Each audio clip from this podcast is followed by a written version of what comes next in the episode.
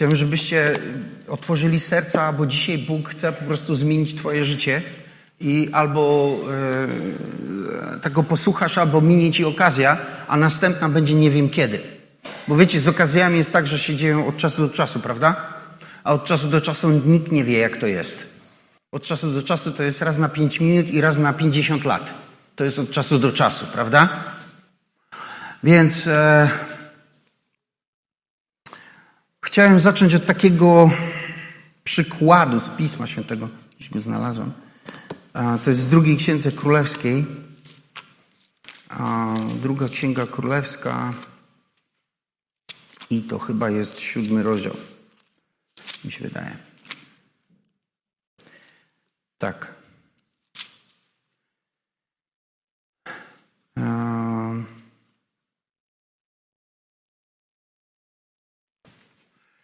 Ja nie będę wszystkiego czytał, bo to jest duża, taka długa historia, ale chcę, żebyście z niej coś, po prostu tylko żebyśmy wzięli na początek.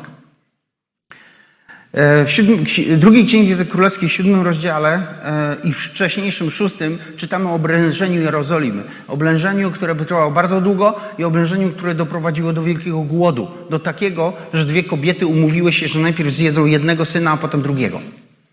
Ja takiego czegoś nie wiem. To jest Albo się nie słyszę, ja nawet nie chcę słuchać takich rzeczy, jeśli się dzieją gdziekolwiek. W każdym razie było źle. I w pewnym momencie prorok Elizeusz powiedział tak. Słuchajcie, tak mówi Pan. Jutro o tym czasie miara przedniej mąki będzie za sykla, a dwie miary jęczmienia za, też za jednego sykla w bramie Samarii. To jest druga księga królewska, siódmy rozdział. Pierwszy werset. Jeden z adiutantów, tam drugi werset powiedział, że jakby nawet Pan poczynił otwory w niebie, to tak nie będzie. A on, a Elizeusz do niego powiedział tak, e, zobaczysz to na własne oczy, ale nie będziesz z tego mógł jeść. I teraz słuchajcie. Siedziało tam czterech trendowatych ludzi. Czyli na obrzeżu społeczeństwa trendowaci zgodnie z prawem mojżeszowym powinni być z daleka poza wszystkimi, tak? Więc wiecie, nie to, że był głód, to jeszcze oni byli poza wszystkimi tymi, którzy mieli chociaż jakieś resztki jedzenia. I oni powiedzieli tak. Siedzieli przy tej bramie całej i mówią, co siedzimy tu i chyba umrzemy. I jeżeli wejdziemy do miasta, to w mieście jest głód i umrzemy tam. A jeżeli zostaniemy tutaj, to też umrzemy. I idźmy więc tam do wroga, do, do, do obozu Amerykańczyków. Bo jest taka szansa, że nas zabiją, ale jest taka szansa, że nas nie zabiją. I jak nas nie zabiją, to przeżyjemy, bo tam jest jedzenie. I wiecie co? Wyszli o zmierzchu, weszli do tego obozu i aż po, od początku do końca nie było tam nikogo. A, halleluja. Widzisz, czasami najważniejsze odpowiedzi są tam, gdzie najbardziej się boisz pójść. Bo to nie jest, czasami jest tak, że naj, najlepsza rzecz, która może ci czekać, jest tam, gdzie nie chcesz pójść, bo się boisz, że tam po prostu będzie źle. Że tam po prostu, nie wiem, oskalpują cię, obrabują i tak dalej. I czasami jest tak, że właśnie jesteś w takim miejscu, tu jest źle i czekamy na śmierć. Tu jest jeszcze gorzej, też czekamy na śmierć. Ale tam y, po prostu nas zabiją, więc w zasadzie nie, nie ma dobrego wyjścia. Ale wiecie, jeżeli jesteś w takim miejscu w swoim życiu, w którym myślisz sobie, że nie ma dobrego wyjścia, to tak naprawdę nie chcesz go zobaczyć tylko. Bo ono jest. Bo widzicie, w tej całej historii było już wyjście. Prorok stanął i powiedział tak, jutro jedzenie będzie tanie. Fajne byłoby proroctwo to w Polsce teraz, nie? Mówi, jutro będzie tanie jedzenie, jak barszcz. A ten no dobra, tam zacykla, nie? To, ale to po polsku, taka wersja polska. A, a ten adiutant jeden mówi, to nawet jakby dziury w niebie były i spadała mana, to tak nie będzie. Mówi, będziesz to po prostu, zobaczysz to, ale tego nie będziesz, Nie, mógł, nie będziesz mógł tego jeść. I prawda jest taka, że później jak ci, ta historia jest taka, że ci, e, ci trendowaci przeszli się przez cały obóz, nikogo nie było, bo wszyscy uciekli z tego obozu e, i tak dalej, więc wrócili do, do miasta i powiedzieli, ludzie, tam nikogo nie ma, weźcie, wyjdźcie jedziemy, jemy. Jak się wszyscy ludzie dowiedzieli, to ruszyli hurmem i stratowali tego adiutanta i on umarł z otwartymi oczami. Widział, ale nie mógł z tego skorzystać. I chcę wam powiedzieć, chcę powiedzieć, że to jest, to jest coś takiego. Wychodzenie z, z, z kryzysu polega na tym, że potrzebujesz usłyszeć coś, co da ci nadzieję, a potem za tym pójść. Amen? Siedzenie w tym miejscu, w którym jesteś, nic nie da. Będzie jeszcze gorzej, a potem umrzesz. Szukanie pomocy tam, dokąd, w tym miejscu, w którym do tej pory jego szukałeś, też się nie uda, bo już to robiłeś i nie działało. Dlaczego miałoby działać jeszcze raz? Ale jest wyjście. I to wyjście, wiecie, nie zaczyna się w desperacji, żebyś chodził teraz, nie wiem, co robił, jakieś dziwadła. Nie. Chrześcijaństwo nas tego nie uczy. Wyjście zaczyna się tu. Wyszedł prorok i powiedział: Jutro jedzenie będzie tanie.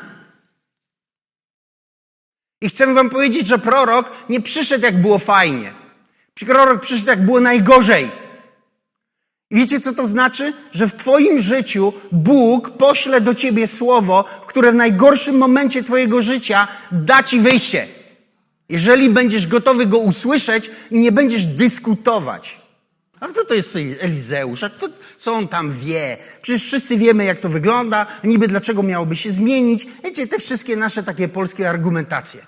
Dopóki się tego trzymasz, nic się nie zmieni. Będziesz siedział w tym, w czym jesteś, będziesz robił to, co robisz, będziesz żył tak, jak żyjesz, będziesz cierpiał z powodu tego, z powodu czego cierpisz i ewentualnie to się powiększy, aż umrzesz, ale na pewno się nie zmieni, bo zmiana, ta dobra zmiana, nie wychodzi, wiecie, z problemów. Zmiany wychodzą ze słowa od Pana.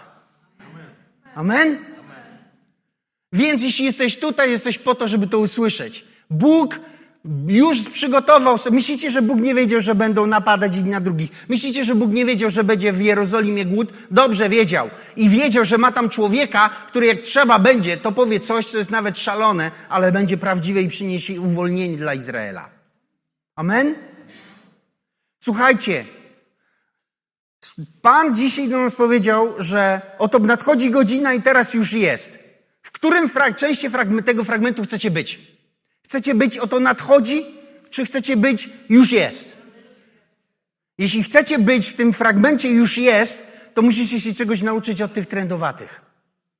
No, jak chciałbym od bogatych się uczyć, a nie od trendowatych. Ale wiecie, w niektórych sytuacjach ci bogaci nie mają za bardzo coś do powiedzenia, a ci mają. Bo stać ich było na to, żeby zaryzykować. Rozumiecie? I wyjść z tego miejsca, w którym byli, na słowo od Pana, wejść do obozu swoich wrogów, tam gdzie bali się, że zostaną zabici i dostać uwolnienie, a razem z tym przynieść uwolnienie innym. Moi drodzy, to my mamy się nauczyć tej lekcji, bo my mamy tą lekcję umieć i mamy tą lekcję uczyć innych.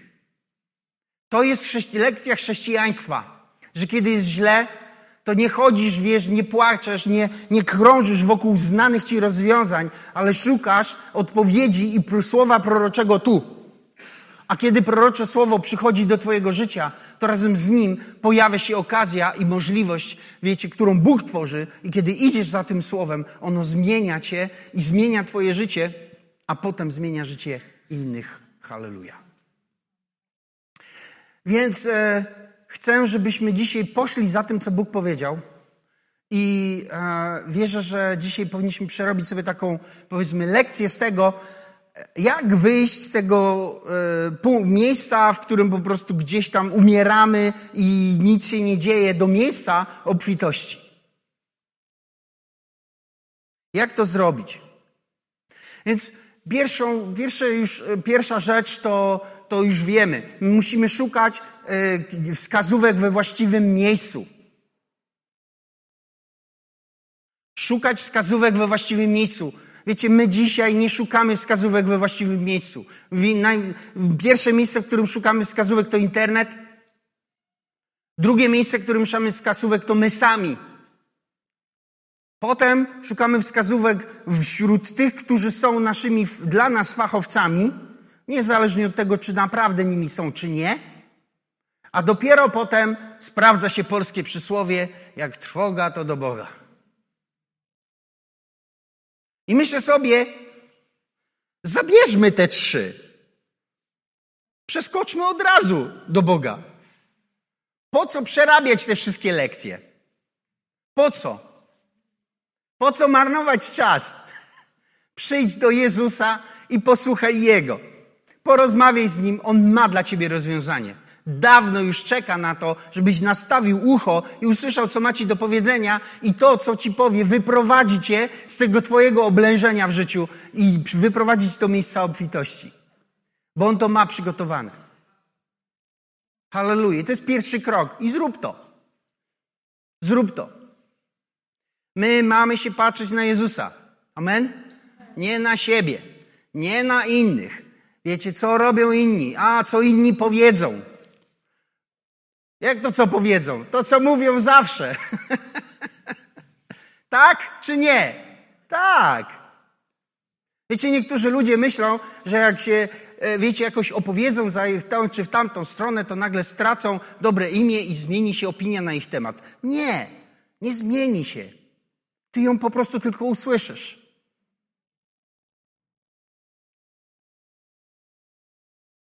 Zrób ten krok. Tak jak oni siedzieli i zastanawiali się. Wejdziemy do miasta, umrzemy z głodu. Zostaniemy tu, umrzemy z głodu. Pójdziemy tam, może nas zabiją, ale jest jakaś szansa. I wiecie, kiedy oni tak deliberowali, to nie wiedzieli o tym, że wypełniają proroctwo, które Eliza już wypowiedział do Jerozolimy. Więc jak to zrobić? Po pierwsze, a otwórzmy sobie list do Efezjan. Znaczy, pierwsze już powiedzieliśmy, znaleźć słowo. I teraz e, drugie, to, to słowo Boże coś mówi nam i nam coś pokazuje. To jest liście do Efezjan, czwarty rozdział. I dzisiaj będziemy się potem modlić jeszcze. Efezjan 4.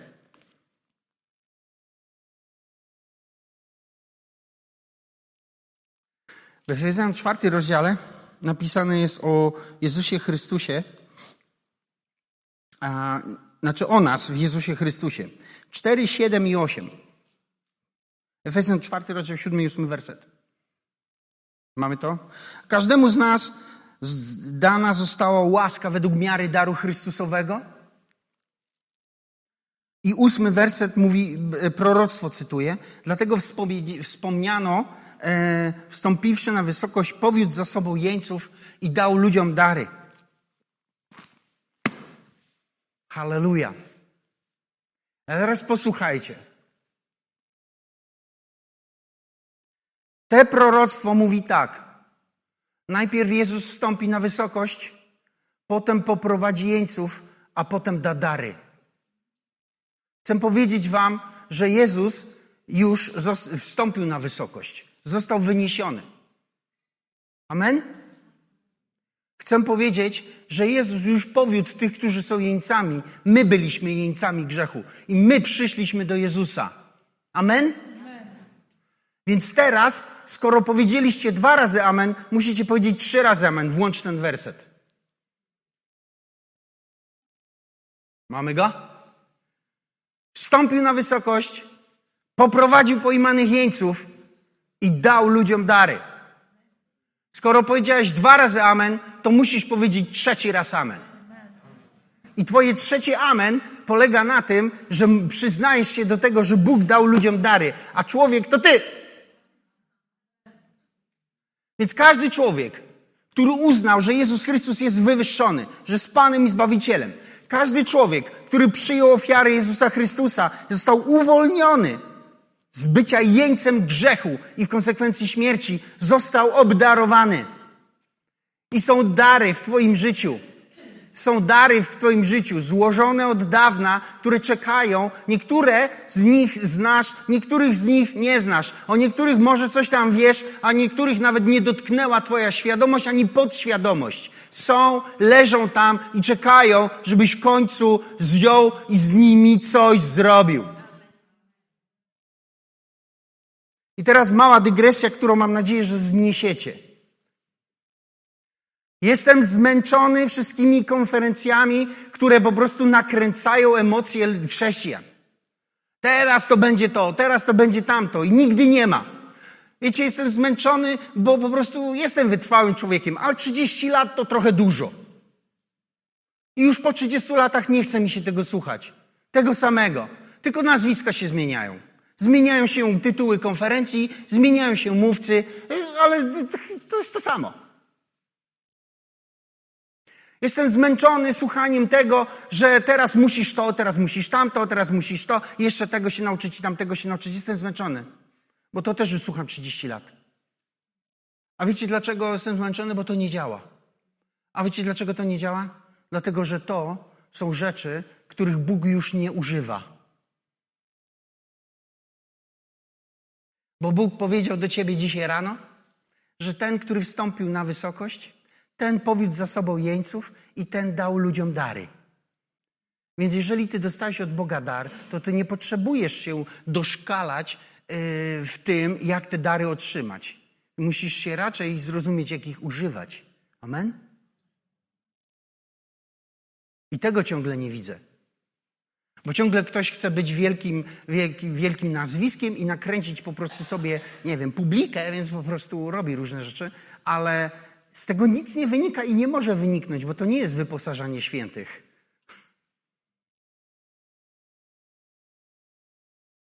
Dostaliście dary, wszyscy. Wszyscy. Bez wyjątku. I pora, żeby ich użyć. Pora, żebyś użył tego, co masz.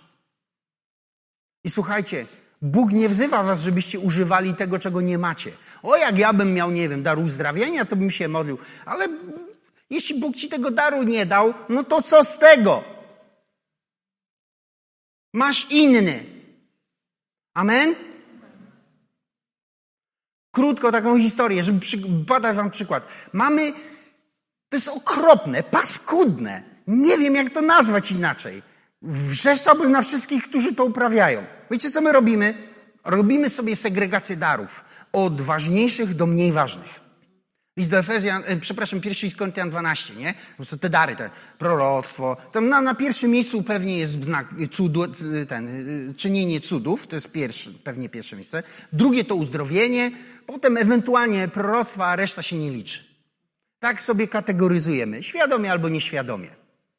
Wkurza mnie to. Wiecie dlaczego? Dlatego, że to poniża Boga. Bo u Boga nie ma większych darów i mniejszych. Halleluja! Wielki Bóg, każdy dar, który daje, jest wielki. Jest wielki. Każdy. Dam wam przykład. Był taki człowiek, który się nazywał Demos Sakarian i on odkrył, że ma dar od Boga. I to jest dar pomagania. Pomagania. Rozumiecie? No i on, wiecie co zrobił? Nie poszedł na szkolenie żadne, jak być dobrym pomagającym. Nie chodził na jakąś szkołę biblijną, jak po prostu ten dar rozwijać. Nie siedział 20 lat, nabierając doświadczenia pod bokiem bardziej doświadczonych, ale po prostu zaczął go używać. No i zaczął używać daru pomagania, tak? Pomagania, więc tej hierarchii, nie, to raczej tam gdzieś na dole się sytuuje niż na górze, pomaganie. Kto z Was uważa, że dar pomagania to jest dominujący dar, który powinien po prostu, wiecie, który zmienia świat? No raczej nie. I teraz patrzcie. Człowiek, który. O, są tacy. E, I słuchajcie, on zaczął pomagać. On zaczął organizować konferencje. Pomagał biznesmenom, bo był sam biznesmenem. Zaczął organizować konferencje.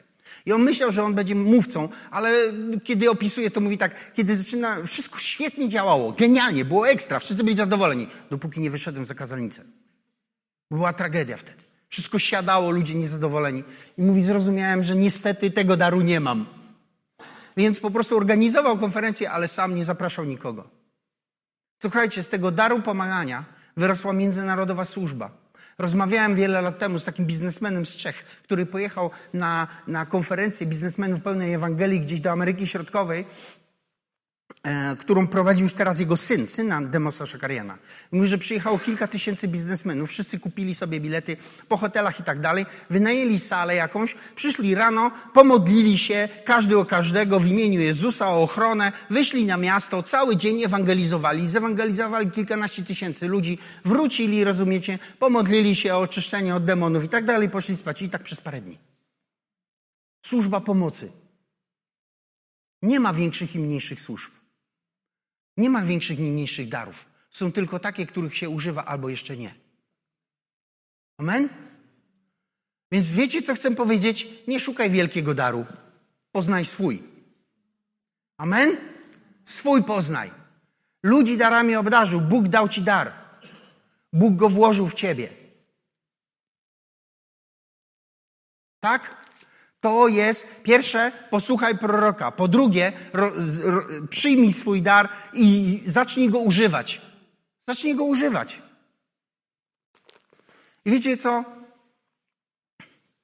Jest taki fragment, a w, to jest pierwsza kronik chyba, nie, y, przepraszam, pierwsza królewska, druga królewska. Tak, druga królewska. Drugi rozdział. Tam jest mowa o tym, e, że Eliasz odchodzi do nieba. I Elizeusz rozmawia z nim, chodzi za nim, mówi: Ja chcę Twojego namaszczenia. Eliasz mówi: Spadaj, nie nadajesz się. Nie, to nie to. To taka polska wersja. Jak była polska wersja Biblii, to tak by było. E, mam lepszego kandydata, nie?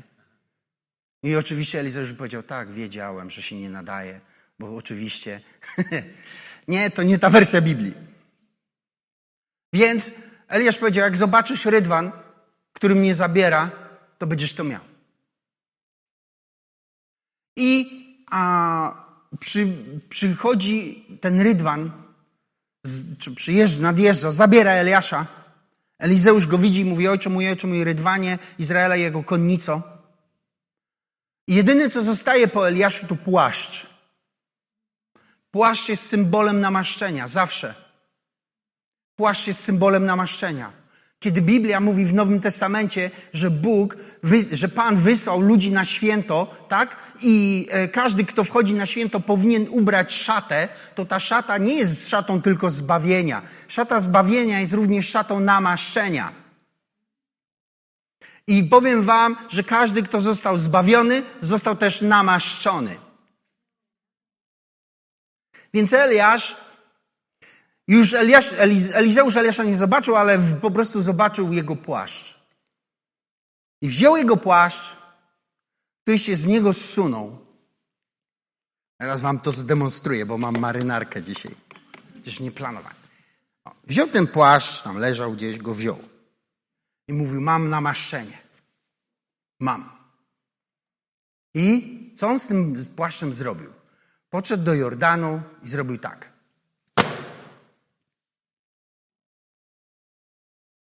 Rozumiesz? Możesz być najbardziej namaszczonym człowiekiem na świecie. Jeżeli nie zrobisz tak, nic z Twojego namaszczenia nie ma. Dopóki nie zaczniesz używać tego, co masz, to to nie będzie się rozwijać, nie będzie większe. Będzie takie same. Będziesz siedział i umrzesz w marzeniach swoich. Dopóki nie zaczniesz używać daru, którego masz, będzie ten dar na tym samym poziomie. Ale jeśli go użyjesz, to to zmieni Twój świat i otworzy Ci nowe możliwości, tak jak Bóg przez to, przez to, że Elizeusz uderzył w tą rzekę, otworzył mu po prostu tą rzekę i on przyszedł na drugą stronę. Wiecie, po drugiej stronie Elizeusz był innym człowiekiem. Amen? Chcecie doświadczyć, chcecie, żeby to jeszcze e, e, nadchodzi, teraz już jest, nastąpiło w waszym życiu, weźcie swoje dary, które macie, zacznijcie używać. Amen? I to nie jest istotne, co to jest za dar. Jak to jest dar pomocy, to pomagaj. Ale pomagaj w namaszczeniu, aleluja.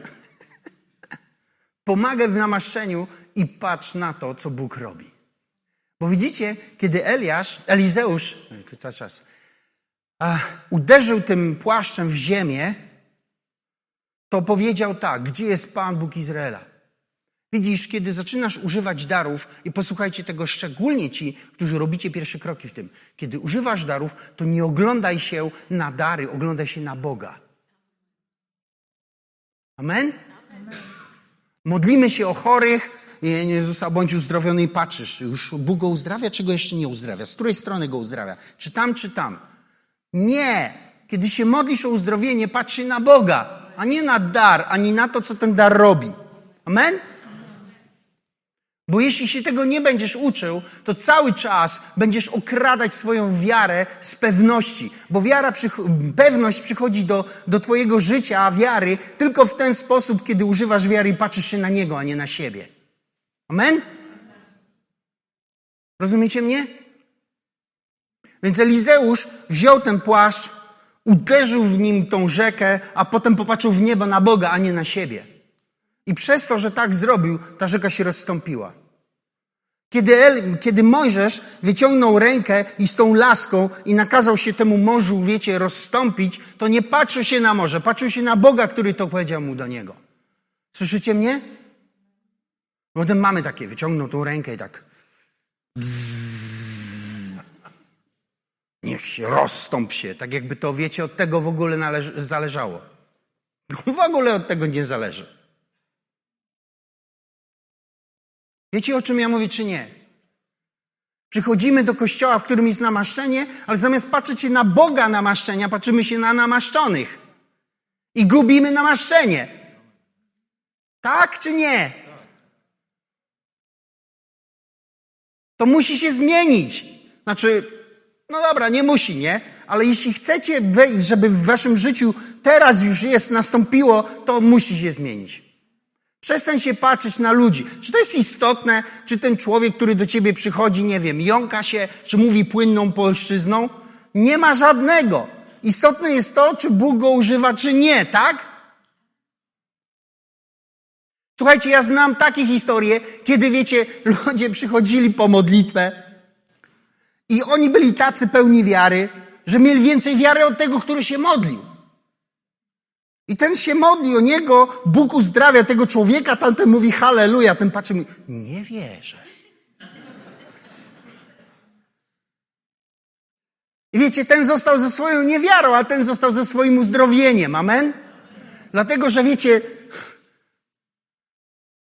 my, my jesteśmy narzędziami, tak? Ci, którzy służą Bogu, są narzędziami i wy nie szukacie narzędzi, wy szukacie Boga, który ich używa. Amen? Jeśli to gdzieś tam przeskoczy w nas, to kiedy zaczniecie używać darów, nie będziecie patrzeć na siebie, one będą się rozwijać, będą się powiększać, robić się większe niż kiedykolwiek myśleliście, że mogą. Dlatego, że tym, który będzie granicą rozwoju waszych darów, już nie będziesz ty, tylko będzie Jezus. A wiecie, co mówi Biblia? Pan Jezus powiedział, że Bóg daje ducha bez miary. Nie ma granic. Jedyną granicą jest Twoja zdolność przyjmowania. Halleluja. I mówię to dlatego, że wierzę w to, że Duch Święty chce się poruszać przez Was. I mówię to dlatego, że bo On chce przypomnieć Ci, że masz dary. Może nie umiesz przemawiać, ale umiesz śpiewać, to śpiewaj. I jak się boisz sceny, to co to za różnica? Używaj daru tam, gdzie jesteś. Amen? Wejdź do domu i śpiewaj. I tyle.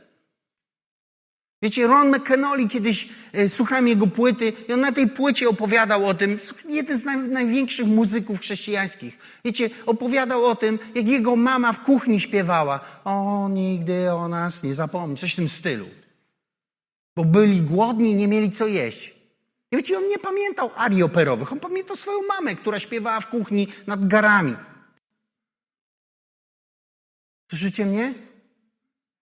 Myślicie, że Bóg potrzebuje tłumów, żeby poruszyć naród? Nie, Bóg nie potrzebuje tłumów, nigdy nie potrzebował. Bóg będzie tłumy zawsze redukował. I ci, którzy tęsknią do tłumów, będą zawsze cierpieć i będą przeżywać frustrację.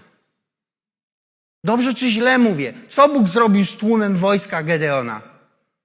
Powiedział tak, tych 80% powiesz im miłego popołudnia, do domu. Tak? Zrobił taką segregację. Wiecie, dlaczego Bóg tak segregował, zabierał temu Gedeonowi tych ludzi? Powiedzieć wam, czy nie? Nie wiem, czy chcecie zwiedzieć to, bo to was skrzywdzi, ale... Bo Gedeon miał tą armię, nie? I mówi, jak ja z tą armią na nich najadę, to ich zdepczemy tam. Po prostu zniszczymy ich. A Bóg patrzy na niego i mówi tak, ty to masz tą armię, a powinien zrozumieć, że ty masz mnie, a nie tą armię. Więc ponieważ ty nie rozumiesz, że ty potrzebujesz mnie, a nie tej armii, to ja ci tą armię zabiorę. I mój teraz wysasz do domu. I, i tak, no, cześć, ale co ja teraz zrobię, nie? Jak rozejrzasz się, jest, nas jest tyle, tamtych jest tyle, no to ja nie wiem, misja samobójcza.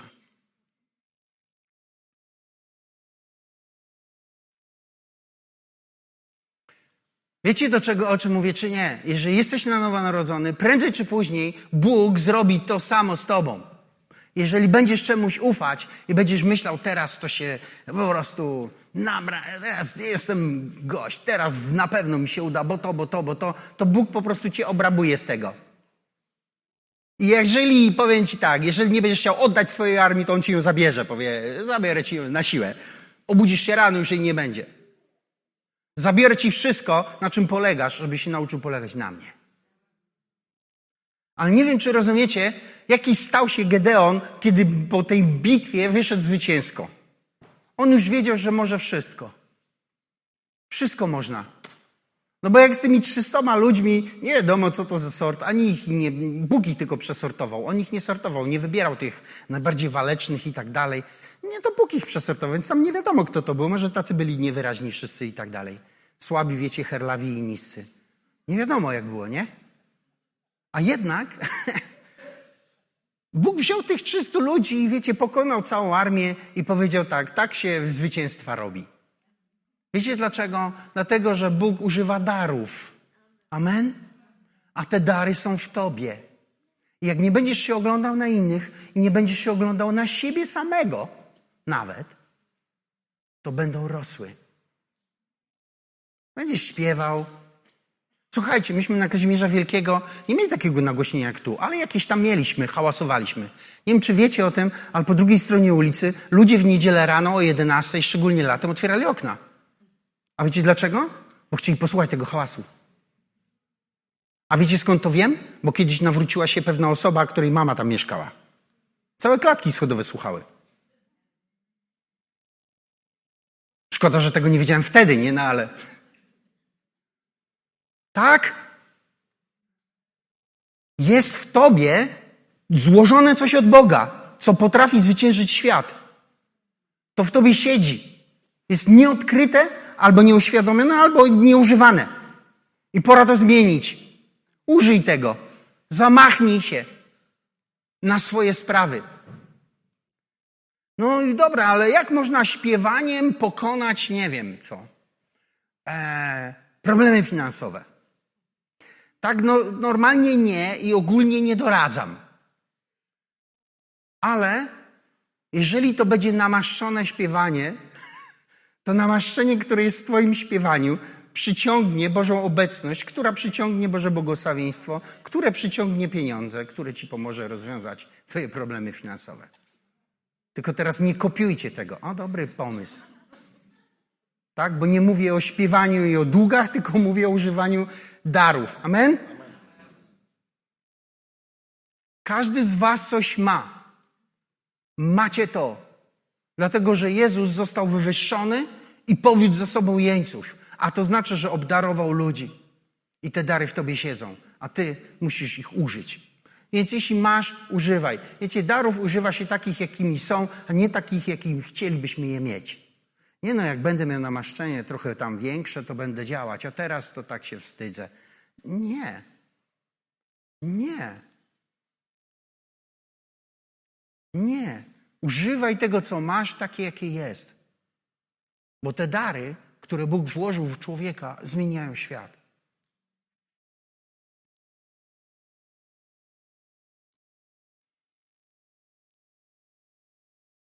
Wiecie, że Słowo Boże mówi, że stworzenie oczekuje na objawienie się synów Bożych? Pamiętacie list do Rzymian? Wiecie, że to znaczy, że Bóg tak stworzył świat, że są na tym świecie ludzie, którzy czekają na Twój dar. Zostali stworzeni w taki sposób, żeby zostać pobłogosławieni Twoim darem. I Twój dar pomoże im w życiu. I oni na Ciebie czekają. Słyszycie to? I wiecie, ten świat nie zmieni się, tylko posłuchajcie mnie do końca, dobra? Potem będziecie rzucać kamieniami. Na razie tylko posłuchajcie do końca mnie, dobra? Tak do końca. Ten świat nie zmieni się, bo, bo nastąpi pokój na Ukrainie. Nie. Będzie kolejna wojna. Jak nie tu, to tam, nie? Ten świat nie zmieni się, bo wybierzemy lepszych polityków. Bo chyba już to przerabialiśmy, nie? Czy nie? Ten świat nie zmieni się, bo będziemy mieć lepszą opiekę społeczną, będziemy mieć sprawiedliwsze prawa, będziemy mieć nie wiem co, jakąś yy, yy, yy, sensowniejszy podział majątków. Ten świat nie zmieni się, bo, bo zdekarbonizujemy go i tak dalej. Bo jedne problemy będą zastępować drugie problemy. Prawda? To jest całe moje życie. Tak to po prostu obserwuję. Jedne problemy się kończą, drugie się zaczynają. Życie to jest pasmo problemów z przerwami. Świat zmienia się tylko z powodu jednej rzeczy. Świat zmienia się wtedy, kiedy Ewangelia jest głoszona. Bo jedyną siłą, która może ten świat zmienić na lepsze, to jest Ewangelia. Chcecie zmienić politykę? Zacznijcie głosić Ewangelię tym, którzy wokół nich się krążą. I politykom. Nie umówcie im, jak uprawiać politykę. Mówcie im o Jezusie. Mówcie im o zbawieniu, mówcie im o Ewangelii. Jeżeli to będziecie robić i oni się nawrócą, to się zmienią od środka, a Duch Święty włoży w nich odpowiednie prawa, staną się lepszymi ludźmi, przez to staną się lepszymi politykami i tylko polityka się zmieni. Amen? Amen. Chcecie zmienić gospodarkę? To nie, nie walczcie o prawa, o równości czy cokolwiek. Głoście Ewangelię biznesmenom.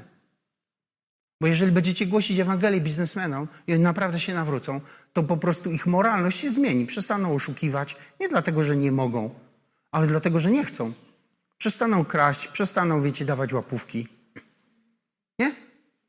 A jak to się zmieni, to i ekonomia się zmieni, prawda? Są już nawet opracowania, ile, ile traci cała gospodarka, jeżeli w biznesie ludzie nie, nie ufają sobie nawzajem. Chcecie zmienić rodziny? To nie mnóżmy psychologów, z całym szacunkiem dla psychologów. Bo psycholodzy nie zmienią rodziny. Rodzinę zmieni Ewangelia. Kiedy będziemy głosić Ewangelię i ludzie będą się rodzić na nowo. I ci, którzy mają problemy małżeńskie, zanim zaczniemy rozmawiać o problemach, będziemy rozmawiać o Jezusie. Bo kiedy ci spotkają się z Jezusem i nawrócą się do Jezusa i poznają Jezusa Chrystusa, to zmieni się ich wnętrze. Przestaną być egocentrykami, przestaną być egoistami, tak? Staną się chrystocentryczni i wtedy masę problemów odpadnie, a resztę, resztą da się poradzić. Amen? I tak dalej, i tak dalej. Chcemy zmienić kulturę? Głośmy Ewangelię. Głośmy Ewangelię. Justin Bieber się nawrócił jakiś czas temu, nie wiem czy słyszeliście. To jest inny człowiek, nie? Nie całkiem, no ale postęp jest. Tak? I wiecie, jest więcej aktorów i celebrytów w Hollywood, którzy są nawróceni, niż nam się wydaje. Bo ktoś poszedł po rozum do głowy i przestał walczyć, wiecie, z hollywoodzką moralnością za pomocą, wiecie, protestów w kinach przeciwko jakimś tam filmom. Tak jakby to coś zmieniło. Przecież to jest darmowa reklama. Nie? Tylko ktoś poszedł do tych, wiecie, celebrytów i się okazało, że to też są ludzie, którzy też potrzebują, wiecie, Jezusa, potrzebują normalności, potrzebują tych, którzy po prostu żyją dobrym życiem i potrzebują kogoś, kto ich tego życia nauczy. I nawracają się. A przez to za chwilę zmieni się przemysł, wiecie, w Stanach Zjednoczonych ten rozrywkowy. I tak zmieni się świat. Bóg zmienia świat przez Kościół. A Kościół to ty. Nie konferencja i, wiecie, ludzie, którzy okupują pulpit. Kościół to ty i Bóg dla ciebie przeznaczył pewne miejsce na tej ziemi i w tym miejscu stworzył potrzebę na twoje dary, które w ciebie włożył. A teraz narodziłeś się do Niego i jesteś teraz Jego dzieckiem, a On chce, żebyś Ty tego daru teraz użył, żebyś wziął i tak zrobił. A potem popatrzył na Boga, a nie na siebie. Głosił Ewangelię i nie patrzysz na to, ktoś przyjmuje, nie przyjmuje, patrzysz się na Boga. Bóg mówi, no jest okej, okay, dobrze, resztą ja się zajmę. Amen?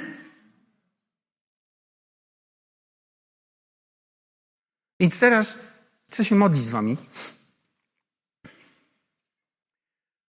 Jeśli nie jesteś na nowo narodzony, będziemy się modlić, żebyś się narodził na nowo, żebyś spotkał się z Jezusem. Jeżeli jesteś na nowo narodzony i jeszcze nie wiesz, jaki jest twój dar, to żebyś go odkrył. Nie? I do tego nie trzeba, wiecie, do odkrywania darów nie trzeba półrocznego seminarium odkrywanie darów Ducha Świętego, po którym jesteś w jeszcze większej depresji, bo myślałeś, że nie masz tylko kilku darów, a po tym seminarium już wiesz, że nie masz kilkudziesięciu darów. Nie? Nie potrzebujesz tego. Potrzebujesz jednej prostej rzeczy. Potrzebujesz wrócić do domu, usiąść, zrelaksować się i powiedzieć: Duchu Święty, mów. Mów do mnie. Ja będę słuchał. Nie będę się dyskutował z Tobą, nie będę się kłócił, nie będę grymasić, jak mi powiesz, że tam czymś innym mnie obdarowałeś. Nie będę kręcić nosem. Przyjmę to. I już. Budzisz się rano z taką świadomością, coś tam siedzi we mnie. Nie wiem, co to jest, ale coś tam jest. I to już jest dużo. Potem tylko będziesz się modlić, skupiać i Duch Święty ci powie, to jest to. Będziesz klepał ludzi po ramieniu.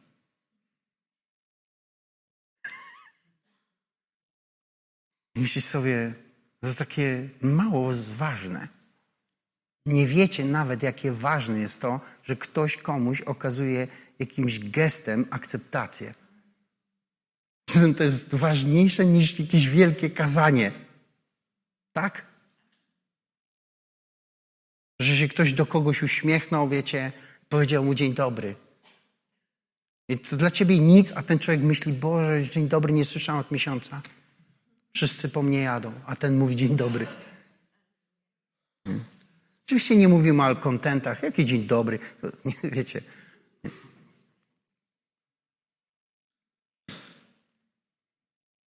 Posłuchasz Ducha Świętego, On przemówi do ciebie i po prostu ci powie, no to jest to, odkryjesz to, a potem tego używaj. Użyj tego. A kiedy będziesz używać, nie patrzyj na rezultaty, nie patrzyj na ludzi, patrzyj na Niego. I wtedy ten dar będzie rósł. I wiecie, chciałbym, żeby ten Kościół był pełen darów Bożych. I sobie tak są i nawzajem usługują. Jeśli to by było po prostu w ulu, nie byłoby takiego szumu, jak tak w kościele. A jeśli masz i używasz, to chcę się modlić, żebyś ty uczył się cały czas patrzeć na Boga, a nie na siebie i na swój dar. Amen? Żebyś pozostał świeży, żebyś pozostał taki swobodny w działaniu i skuteczny. Nie? Widzicie? Wiecie, ile zebraliśmy pieniędzy na, te, na tą Albanię? Wiecie, czy już dotarło do Was, czy nie? Nie wiecie? To super. Pozbyliśmy się plotki z kościoła.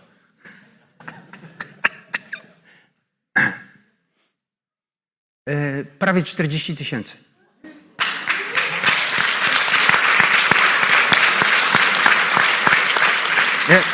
Słuchajcie, ja wam coś powiem. Ja nie spodziewałem się tego. To przyznaję się, będę pokutował w no, dzisiaj. I teraz, co ja chcę wam pokazać? E, Gdyby tamten pastor zaprosił tam nie wiadomo jaką służbę ze Stanów, wiedział, że oni są bogaci, więc może mu tam coś skapnie, nie? To może, to, to nie byłoby świadectwo, nie? Bo dla niektórych służb tam, nie wiem, 40 tysięcy złotych to nie jest świadectwo. Ale nie, tak się nie stało. Bóg tam mnie wypchnął.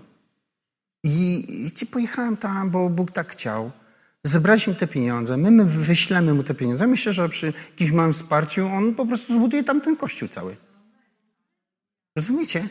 I w ten sposób ten wasz mały dar za chwilę zaowocuje tam dużo większym darem, którym będzie kościół w muzułmańskiej wiosce. Rozumiecie to? Tak to działa. I nie potrzebujemy nie wiadomo czego. Potrzebujemy używać tego, co mamy. I to właśnie zrobiliście. Użyliście tego, co macie w kieszeni. I było, jest super.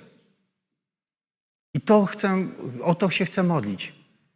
Słuchajcie, i ostatnia rzecz, już przedłużam.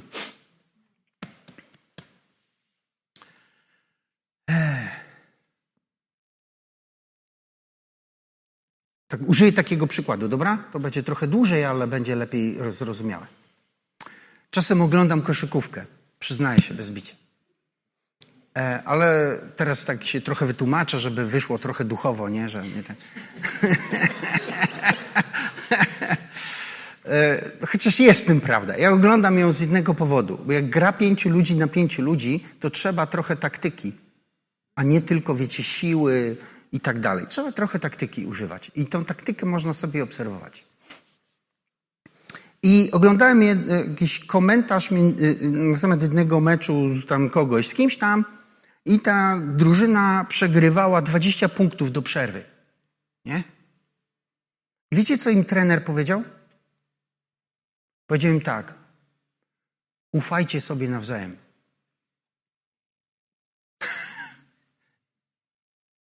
Słyszycie to?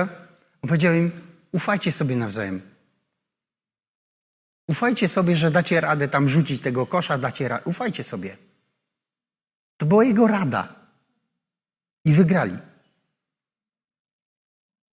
Wygrali. Tak?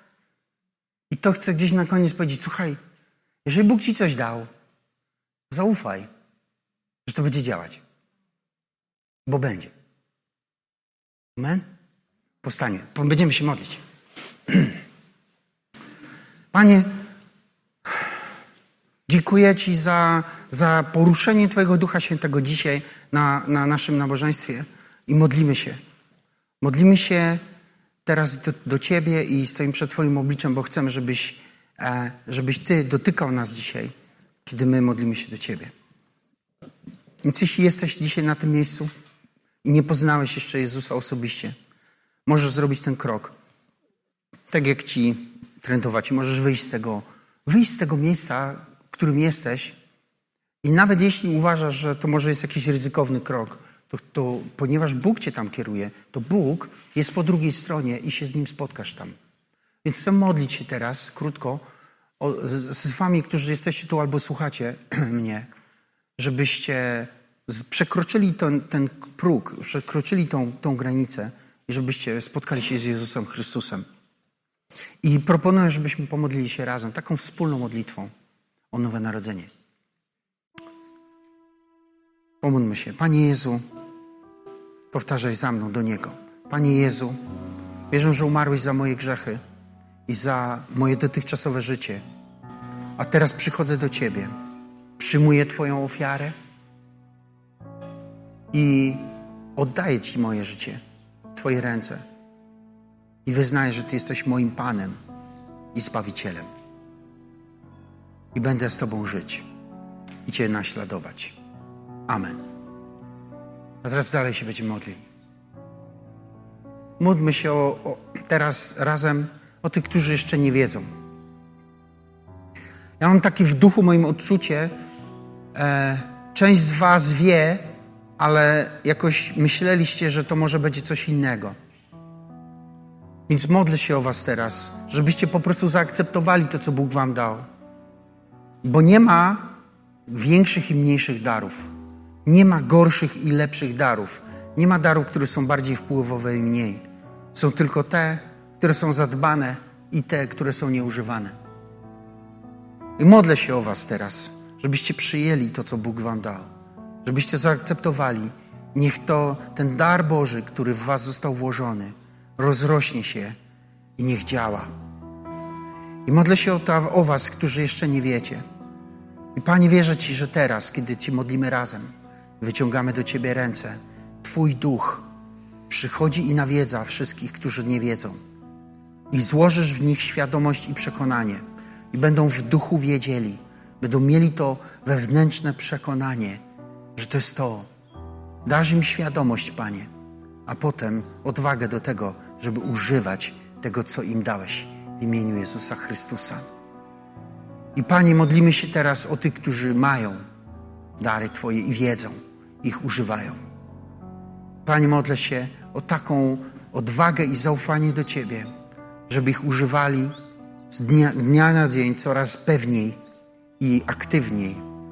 I żeby, żebyś Duchu Święty prowadził ich dzień po dniu, kiedy używają tego, co w nich złożyłeś w imieniu Jezusa Chrystusa. I niech rosną, niech rosną, bo wszystko to, co Ty dajesz, rośnie i te dary też będą rosły. Będą wzmacniać się, będą rosnąć i będą coraz potężniejsze i coraz silniejsze w imieniu Jezusa Chrystusa. W imieniu Jezusa Chrystusa. I modlę się o Was. I pamiętajcie o tym, że kiedy dary rosną i Bóg was używa, patrzcie na Niego, a nie na dary. Patrzcie na Niego, nie na siebie. Patrzcie na Niego, nie na sytuacje, w których Wasze dary używają. Bo Bóg, na którego patrzycie się, uczyni to, co robicie, mocniejszym i uczyni to, co robicie, silniejszym i uczyni to, co, to, co czynicie, zwycięskim, bo On jest zwycięzcą w imieniu Jezusa Chrystusa. I Panie, dziękuję Ci za tą dzisiejszą zachętę, za to, że jesteś dobry i po prostu poruszasz nami dzisiaj. I chcemy, żeby to było już jest. I chcemy, żeby to już jest. To był ten czas, w którym teraz wszyscy razem żyjemy. W imieniu Jezusa Chrystusa na Twoją chwałę. I chcemy, żeby Twoja Ewangelia się poszerzała. Chcemy, żeby wpływała na ludzi. Chcemy, żeby się zmieniali, żeby ten świat wokół nas stawał się po prostu lepszy, podobny do Ciebie. Halleluja. Tobie niech będzie chwała. Amen.